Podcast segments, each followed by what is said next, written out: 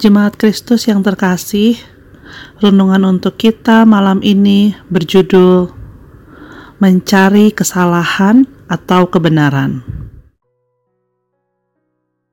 Dan bacaan kita diambil dari kitab Lukas 10 ayat 25 sampai 29. Beginilah firman Tuhan. Pada suatu kali, berdirilah seorang ahli Taurat untuk mencobai Yesus. Katanya, "Guru, apa yang harus kuperbuat untuk memperoleh hidup yang kekal?" Jawab Yesus kepadanya, "Apa yang tertulis dalam hukum Taurat? Apa yang kau baca di sana?" Jawab orang itu, Kasihilah Tuhan Allahmu dengan segenap hatimu dan dengan segenap jiwamu dan dengan segenap kekuatanmu dan dengan segenap akal budimu, dan kasihilah sesamamu manusia seperti dirimu sendiri. Kata Yesus kepadanya, Jawabanmu itu benar, perbuatlah demikian, maka engkau akan hidup.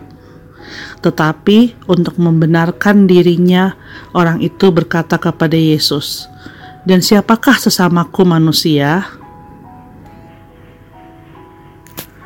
Bagaimana perasaan kita saat berurusan dengan seseorang yang memang berupaya untuk menjegal kita dengan mencari-cari kesalahan dari perkataan kita?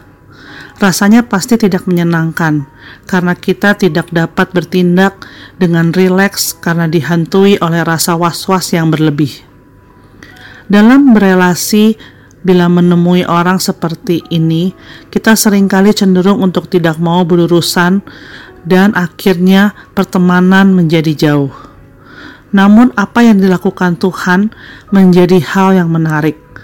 Saat ada seorang ahli Taurat yang mau menjatuhkannya, Tuhan tidak marah. Justru Ia pakai untuk menuntun orang tersebut berubah. Itulah Tuhan kita.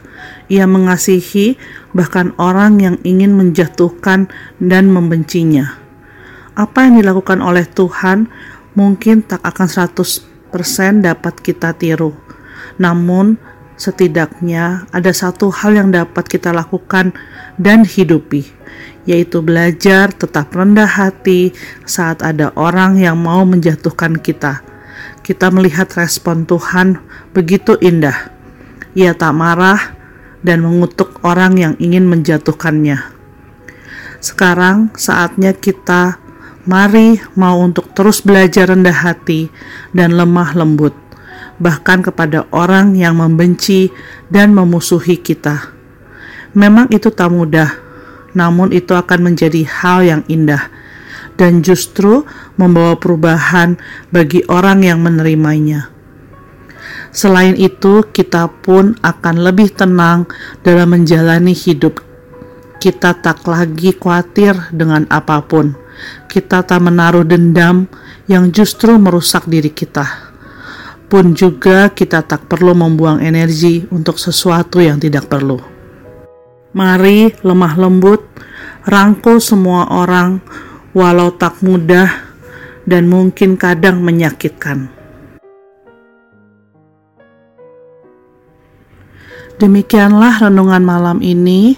Semoga damai sejahtera dari Tuhan Yesus Kristus tetap memenuhi hati dan pikiran kita. Amin. Jemaat yang terkasih, mari kita bersatu hati menaikkan pokok-pokok doa yang ada dalam gerakan doa 21 GKI Sarwa Indah. Mari berdoa.